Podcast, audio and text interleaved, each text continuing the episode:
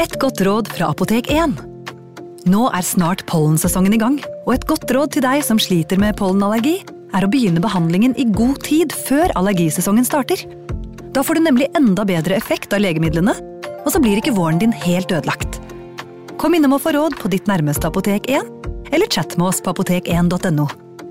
Apotek 1 vår kunnskap, din trygghet.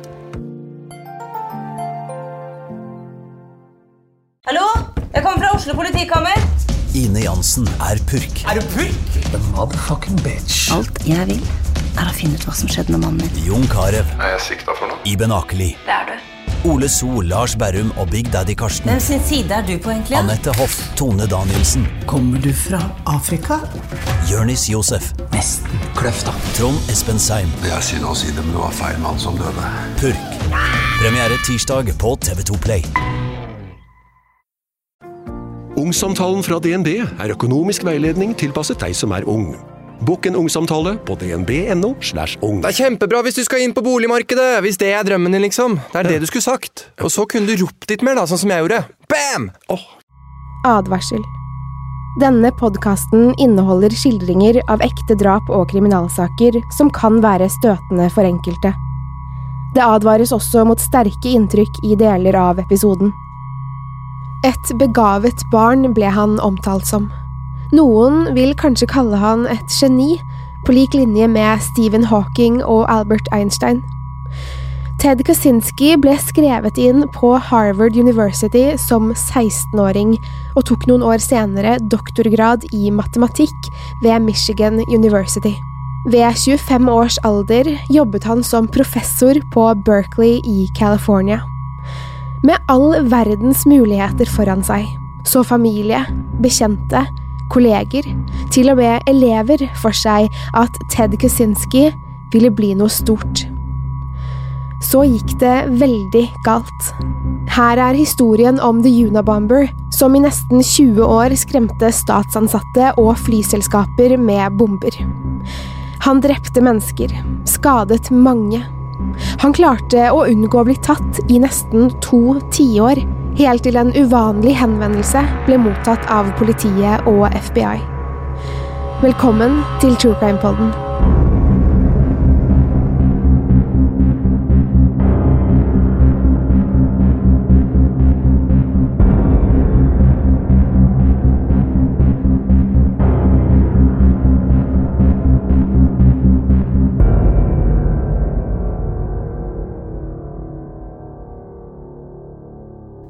Theodore John Kusinski ble født den 22. mai 1942 i Chicago. Foreldrene var av polsk opprinnelse. De var snille og hardtarbeidende mennesker. Som baby var Ted blid og fornøyd, med god matlyst og stor nysgjerrighet. Da Ted bare var ni måneder gammel, ble han rammet av et alvorlig tilfelle av elveblest, som gjorde at han måtte behandles på sykehus i nesten ti måneder. Han var i karantene, nesten uten kontakt med noen kjente under hele oppholdet. Både sykdommen og behandlingen var smertefull, en stor påkjenning for den lille gutten. Moren hans, Wanda, la merke til at lille Ted ikke var den samme blide gutten etter sykdommen, han hadde forandret seg. Han var usikker, ble lett skremt og virket litt engstelig. Det tok lang tid før gutten ble sitt normale jeg igjen, har Wanda senere fortalt. Han klarte seg greit etter sykdommen, men tilbrakte mye tid alene istedenfor å leke med de andre barna der familien bodde. Ted trakk seg tilbake, var stille og forsiktig, og mamma Wanda begynner å tro at Ted kan være autist. Hun tar han med til legen, men Ted utredes ikke for noe. På denne tiden kan han beskrives som en ensom ulv. Han tok aldri kontakt med noen jevnaldrende, og hadde ingen venner. Ted ble mobbet på skolen. Som syvåring blir Ted storebror til David, og ikke lenge etter flytter familien Kaczynski fra Chicagos mas til en forstad i Evergreen Park, og her blomstrer Ted opp. Han er glad igjen, leker med de andre barna og får seg til og med venner. De andre familiene som bodde her, hadde også utenlandske aner. De var irske, italienske, tsjekkiske og polske, og foreldrene trodde begge sønnene ville ha godt av å leke med barn fra lignende familier som deres egen.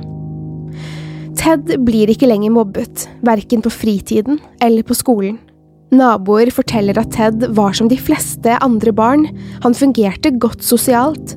Men det var én ting som var veldig annerledes med Ted. Ted var usedvanlig intelligent. Han stilte retoriske og kompliserte spørsmål til de voksne, som de ikke kunne svare på, kanskje heller ikke hadde reflektert over før. Han var begavet og ble spådd en lysende fremtid. Foreldrene forsto tidlig at Ted var annerledes, og i samråd med skolen fikk de han til å gjennomgå en rekke tester, annet IQ-tester. Teds intelligens ble målt i femte klasse, og det viste seg at han hadde en IQ på 167. Det er på nivå med Stephen Hawking og Albert Einstein. Ifølge Mensa Norge er verdens gjennomsnittlige IQ på 100 til sammenligning. Foreldrene bestemmer seg for å ta Ted ut av barneskolen og lar ham gå i en klasse med mye eldre barn. Fagmessig gjør Ted det bedre enn alle sammen, og det gjør at Ted blir mobbet av de større barna. Han trives ikke, og har senere fortalt at han aldri følte at han passet inn. Ted elsker matte og vitenskapsfag, og bruker mye fritid på å løse avanserte mattestykker. Han er god i språk og lærer seg tysk. Han interesserer seg for musikk og lærer seg å spille trombone. Ted komponerer også flere musikkstykker han spiller sammen med faren og broren. Ted gjør også seg ferdig med videregående i en alder av 15 år, og i 1958, som 16-åring, har han allerede kommet inn på Harvard. Foreldrene, særlig faren, er bekymret for hvordan det skal gå med Ted på universitetet, alene og uten familien sin. Han er flere år yngre enn de andre studentene, og de er redde Ted ikke vil trives. De tror heller ikke han er klar for å flytte hjemmefra. Ted flytter likevel til Massachusetts og Harvard, og får bo i et hus med andre, yngre studenter lik han selv. Ted holder seg mye alene, er mest på rommet sitt og leser, ellers er han på biblioteket eller på forelesning. Ted likte å lese filosofi, gjerne fra de store tenkerne, men han vil ikke lese tekstene deres oversatt på engelsk, så han leser bøkene på originalspråket, enten det er fransk, tysk eller russisk. I 1962 uteksamineres Ted Kosinski fra Harvard med gode karakterer, og kommer inn på et masterstudium i avansert matematikk på University of Michigan som 20-åring. I 1964 er han ferdig, og går rett videre til å skrive doktorgraden i matematikk, som han får godkjent i 1967. Teds doktorgradsavhandling er den beste professorene hans noen gang har sett, og Ted vinner flere priser for arbeidet sitt. Nå har Ted alle muligheter foran seg. Han har mulighet til å få de beste jobbene innen sine fag, og broren David og foreldrene, og bekjente, er overbevist om at Ted kommer til å bli noe stort. Han får flere spennende jobbtilbud, men takker nei til nesten alle.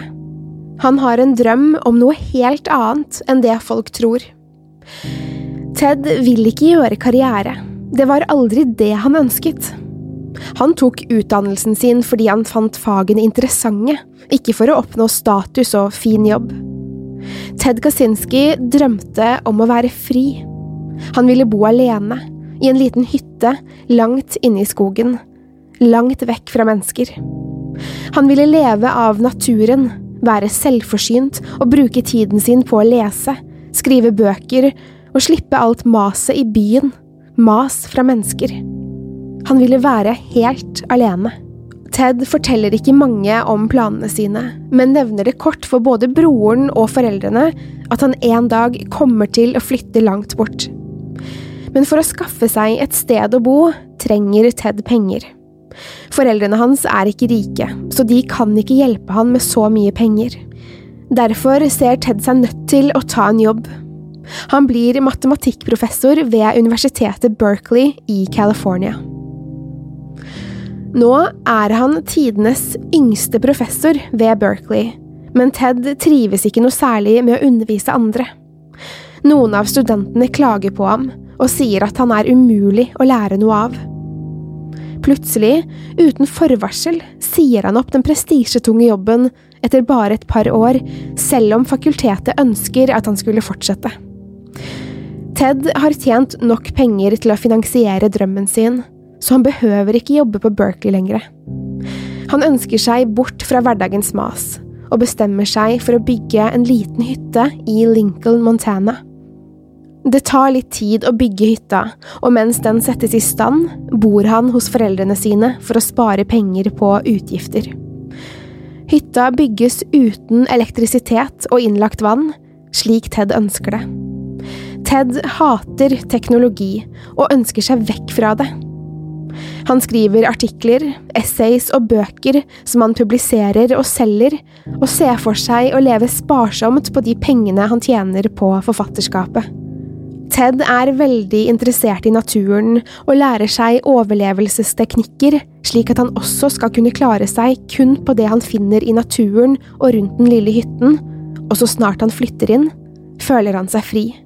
Han elsker den primitive tilværelsen han har valgt. Innimellom tar han strøjobber for å tjene penger til småting han behøver. Disse pengene, sammen med de han hadde tjent fra Berkeley og en liten slant fra familien, går også til noe annet. Noen av pengene brukes for å finansiere brevbombene han kommer til å sende. Etter noen år i skogen begynner Ted å se forandringer i området rundt hytta han bor. Han ser at naturen ødelegges, Trær hugges ned, og det blir laget bilveier, og store deler av dyre- og plantebestanden der han bor, forsvinner. Han er redd for at biene skal forsvinne. Insektene. Han ser et akutt behov for at noe må gjøres. Forandringen gjør Ted rasende, og han føler at han må gjøre noe før verden går under.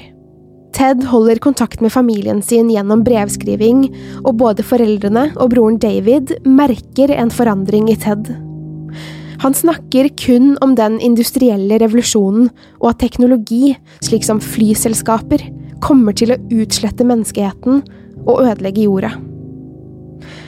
Selv om mange på denne tiden, 70-tallet, er imot krig og ønsker å redde kloden, er fortsatt Ted engasjert på en annen måte enn de vanlige miljøforkjemperne. Ted er bitter, han er sint, og han føler en trang til å drepe noen slik at de forstår hvor alvorlig trusselen mot planeten er. Han publiserer tekster, skriver sinte brev til statsansatte og bedriftseiere, men får nesten aldri svar. Ted føler seg ignorert og robbet for ytringsfriheten. 25. mai 1978. Professor Buckley Christ ved Northwestern University får beskjed om at en pakke er returnert til han. Han forstår ikke hvilken pakke det er snakk om, for han har ikke sendt en eneste pakke på lang tid. Christ mottar pakken fra universitetets postkontor og får vite at den ble funnet på parkeringsplassen ved kontoret hans på universitetet, med han selv som avsender. Christ blir mistenksom, for han kjenner ikke igjen håndskriften som hadde skrevet navnet og adressen hans. Han kontakter universitetets politi, og ved hjelp av en politimann åpner de den mystiske esken. Så smeller det. Pakken inneholder en bombe som eksploderer. Buckley Christ hører et skrik. Politimannen holder seg til underarmen. Hånden hans er nesten borte, bare benstumper og remser av hud er igjen. Bomben har sprengt bort hånden hans. Heldigvis er det den eneste fysiske skaden bomben gjør, og selv om politimannen blør kraftig fra der hånden hans skulle ha sittet, klarer han seg. Bomben var ikke veldig avansert, men likevel laget av en som visste hva han drev med. Det kunne tenkes at bomben ikke skulle ha vært kraftigere, som om den ble sendt for å skremme mer enn å drepe. Uansett hensikten er et angrep på en universitetsprofessor som tilsynelatende ikke hadde noen fiender, lyssky hemmeligheter eller eksempel spillegjeld, alvorlig. Hvorfor akkurat Buckley Christ? FBI kontaktes, men finner heller ikke motiv for hvorfor akkurat denne professoren skulle skades eller skremmes. 15. november 1979. American Airlines flight 444 gjør seg klare til å fly strekningen fra Chicago til Washington DCs innenlandsflyplass. Flyet er et Boeing 727 og har 72 passasjerer om bord. Det er også seks besetningsmedlemmer. Flight 444 tar av fra rullebanen på O'Hare lufthavn, og alt er som normalt. Det ingen av de 78 om bord vet, er at i lasterommet ligger en bombe. Flyturen går greit, det er fint vær, lite vind og ingen turbulens. Plutselig faller trykket i kabinen, og kapteinene klarer ikke å finne ut hvorfor. Alle systemer fungerer som normalt. Ute hos passasjerene begynner tykk røyk å velte seg utover, og oksygenmaskene faller ned fra hyllene over dem. Panikk brer seg, og flyvertinnene klarer ikke roe ned passasjerene. Kapteinen kontakter flygelederne ved nærmeste flyplass og roper mayday, de tror flyet brenner. American Airlines flight 444 er nærmest Washington Dulles, den internasjonale flyplassen i hovedstaden, og får tillatelse til å nødlande der. Ambulanser, brannbiler og politi venter når flyet går inn for landing. Det er fortsatt panikk blant flere passasjerer, men kapteinen og kopiloten lander flyet trygt. Flyet evakueres. Tolv personer sendes til sykehus med røykskader. Heldigvis overlever alle. FBI sin bombegruppe undersøker bomben og ser at en feil gjorde at den bare utløste kraftig røyk. Hadde bomben gått av, ville den sprengt flyet i fillebiter. Så kraftig var den. FBI kjenner igjen måten bomben er laget på. Det er han igjen. Han som sendte brevbomben til professoren på Northwestern. Bare flaks gjorde at 78 mennesker ikke døde. Eller var bomben bare for å skremme? For å vise hva han var i stand til? Ingen vet hvem bomberen er, men han får kallenavnet Unabomber, som står for University og Airline-bomberen. Bomben Ted Kaczynski sendte, var overraskende avansert. Mye mer avansert enn den første, og FBI er redde for at han skal slå til igjen. Det gjør han, hele 15 ganger frem til 1995. Det finnes få ledetråder i bombene. Ingen fingeravtrykk eller deler som kan identifiseres og si noe om hvor de er fra. I flere av bombene er det likevel noe. Det ligger falske ledetråder, som FBI ikke forstår i starten. Han skriver på noen av delene, erter etterforskerne og nevner steder som ikke har noe med bombingen å gjøre. FBI tar ingen sjanser. Bomberen kan, for alt de vet, nevne både neste sted bomben skal gå av, eller kanskje hvor han selv befinner seg. Ingenting kommer ut av ledetrådene. FBI kommer ikke nærmere identiteten til gjerningsmannen, selv om de har flere mistenkte. I 1985 gjør en av bombene alvorlig skade. En kaptein i US Air Force, John Hauser, mottar en pakke. Han åpner pakken, som eksploderer med en gang. Bomben inneholdt annet tresplinter, og flere treffer ham i ansiktet. En av splintene treffer han gjennom øyet, og hånden hans sprenges bort. Samme år mottar en ansatt ved en databutikk i California en pakke. 38 år gamle Hugh Scratton åpner pakken, og denne gangen går det ikke bra. Bomben inne i pakken går av, den inneholder spiker og metallbiter. Hugh Scratton dør. Han blør i hjel når metallsplintene og spikerne gjennomborer kroppen hans. I 1987 sender Unabomber enda en bombe, forkledd som et stykke tre, liggende på en parkeringsplass i Utah. Bomben går av og sprenger bort deler av armen til mannen som løfter den. Fra 1987 og helt til 1993 kommer det ingen bomber. FBI tror Unabomber kan ha dødd eller havnet i fengsel, kanskje blitt alvorlig syk. Men det har han ikke. Den 22. og 24. juni 1993 sender han to bomber til og skader mottakerne alvorlig. Den ene mannen får, som flere av ofrene, hånden og deler av armen sprengt bort, Den andre mannen mister hånden sin og får store skader i ansiktet og kjeve, så mye at han må rekonstrueres, for alle ben i ansiktet hans er knust. Han mister et øye og får store brannskader på kroppen. I 1994 og 1995 sender han de to siste bombene, og begge dreper noen. Unabomber har nå drept tre mennesker og skadet 23. FBI er desperate etter å finne han før han slår til igjen. Samme år som den siste bomben, i 1995, sender Unabomber brev til de største avisene i landet og krever at de skal publisere et manifest han har skrevet.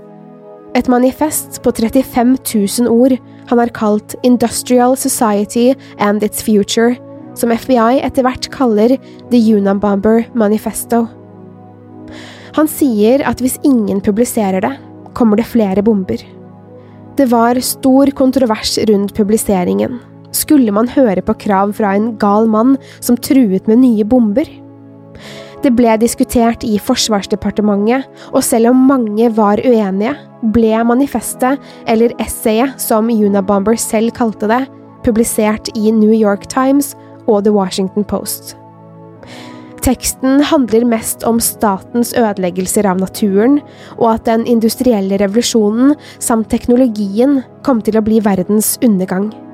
Unabomber skriver at han var medlem av en større gruppe som bekjempet den moderne verdens påvirkning av landets natur, kalt FC, som står for Freedom Club. Mange leser essayet med stor interesse, Flere er enige med Unabomber om at verden er i ferd med å ødelegges. Han får fans, og teoriene hans diskuteres. Manifestet fikk også Ted Kaczynskis egen bror David til å reagere. Innholdet minnet skummelt mye på det Ted alltid pratet om, og han kjente igjen brorens måte å ordlegge seg på. David blir bekymret. Han vet at det ikke går så bra med storebroren, der han bor alene i skogen, og at han bruker timevis hver dag på å filosofere. Han vet at broren er sint på samfunnet, men han hadde ikke trodd at Ted skulle ta så drastiske skritt. David Kaczynski starter en etterforskning sammen med kona si. Han ønsker å avdekke om det faktisk er Ted som sendte bombene. David og kona ansetter en privatetterforsker og en advokat som skal hjelpe han med å finne ut om broren virkelig er Unabomber. Det er mye som tyder på at broren kan være Unabomber. Både privatetterforskeren og advokaten er enige i det. De ansetter en skriftekspert og går gjennom hundrevis av brev Ted har sendt til broren og foreldrene for å sammenligne måten å skrive på. David var i tillegg redd for at broren ikke ønsket å snakke med FBI, og valgte derfor å holde dem utenfor til han var helt sikker. Skriftanalysen matcher, og flere av poengene Unabomber fremhever i manifestet sitt, er teorier Ted Kaczynski skriver i flere av bøkene sine og i andre publiserte tekster. David er helt sikker. Storebroren er The Unabomber. Han står ovenfor et dilemma. Hvis han anmelder broren sin, vil han mest sannsynlig få dødsstraff for det han har gjort. Hvis han ikke anmelder broren sin, vil flere mennesker dø. Med tungt hjerte kontakter han FBI. Han gir dem all informasjon, hele etterforskningen, og selv om FBI i starten tror at David er en av de mange som kun vil ha dusøren, forstår de fort at Ted faktisk er en veldig god kandidat. Det kan godt stemme at Ted Kaczynski er The Unabomber. Da David gikk til FBI, fikk han dem til å love at det var han selv som skulle ta kontakt med Ted og få han til å overgi seg, uten at noen agenter var til stede, så Ted ikke skulle gjøre noe dumt, som for eksempel prøve å skyte seg ut av situasjonen. Det liker ikke FBI. Det ble føderale agenter som arresterte Ted, hjemme i den lille hytta i Lincoln, Montana. Han var uflidd, skitten og tynn. Hytten var full av håndskrevne brev og artikler, hundrevis av bøker og materiale til å lage flere bomber. FBI-agentene fant også en ferdiglaget brevbombe som var klar til å sendes. Ted virker trist og nedbrutt etter arrestasjonen. Han vil ikke snakke med noen. Han vil helst bare være på cellen sin. Ted prøver å henge seg på cellen, men blir funnet før det går galt. Han behandles på sykehus for skadene han fikk da han hang seg, og med store, lilla merker på halsen siktes han for drap, drapsforsøk og terrorisme. Det ble, før arrestasjonen, bestemt at Ted Kaczynski ikke skulle få vite hvem som hadde angitt ham, og at David skulle få være anonym, for David var redd for at det skulle knekke Ted helt. David slet allerede med dårlig samvittighet for det han hadde gjort, selv om det var det eneste riktige å gjøre. Dessverre ble informasjonen lekket. TV-kanalen CBS gikk ut med saken om at Teds egen bror anga han. Etter arrestasjonen måtte Ted gå gjennom en rekke psykiatriske tester for å kartlegge om han var skikket til å gjennomgå rettsprosessen. Advokatene hans prøvde the insanity plea, som vil si at man er psykisk syk og derfor ikke kan straffes for sine handlinger. Ted ønsket ikke å erklære seg psykisk syk. Han bestemmer seg for å stå for det han har gjort, for å fremme saken sin, nemlig å redde jorden. Etter de psykiatriske testene får Ted diagnosen paranoid schizofreni, og han er skikket til å møte i retten og kan straffes for det han har gjort. Ted Kaczynski dømmes til åtte livstidsdommer som skulle sones én etter én. Han får ikke muligheten til å bli prøveløslatt. Ted lever i dag og er 77 år gammel. Han soner dommen i et føderalt høyrisikofengsel i Colorado, hvor han er isolert. Han sitter innelåst i cellen sin 23 timer i døgnet. Men Ted er ikke alene. Han har mange fans, brevvenner fra hele verden, folk som deler hans syn på verdens menneskeskapte undergang. Teds bøker selges enda. De ligger for salg på annet Amazon. Ted Kaczynski skriver fortsatt tekster og får hjelp til å publisere dem. Da The Unabomber ble arrestert, begynte det å ryktes om at Ted Kaczynski også kunne være Zodiac-morderen. Det ble faktisk gjort en hel etterforskning rundt dette, men det ble konkludert med at Ted ikke er Zodiac-morderen, selv om Zodiac og Kaczynski har likhetstrekk ved at de klarte å holde seg unna politiet i så mange år, og at det nesten ikke fantes bevis på åstedene, eller i Teds tilfelle bombene, og at de begge er intelligente enstøinger som ser på samfunnet med forakt. Hadde det ikke vært for Teds bror, hadde kanskje ikke The Unabomber blitt tatt, og kanskje flere hadde trodd at Zodiac og The Unabomber var samme person. Vi i True Crime-podden forlater høyrisikofengselet i Colorado, der Ted Kaczynski fortsatt sitter fengslet, og beveger oss mot nye kriminalsaker i neste uke. Til neste gang, pass på deg selv, og takk for at du har hørt på True Crime-podden.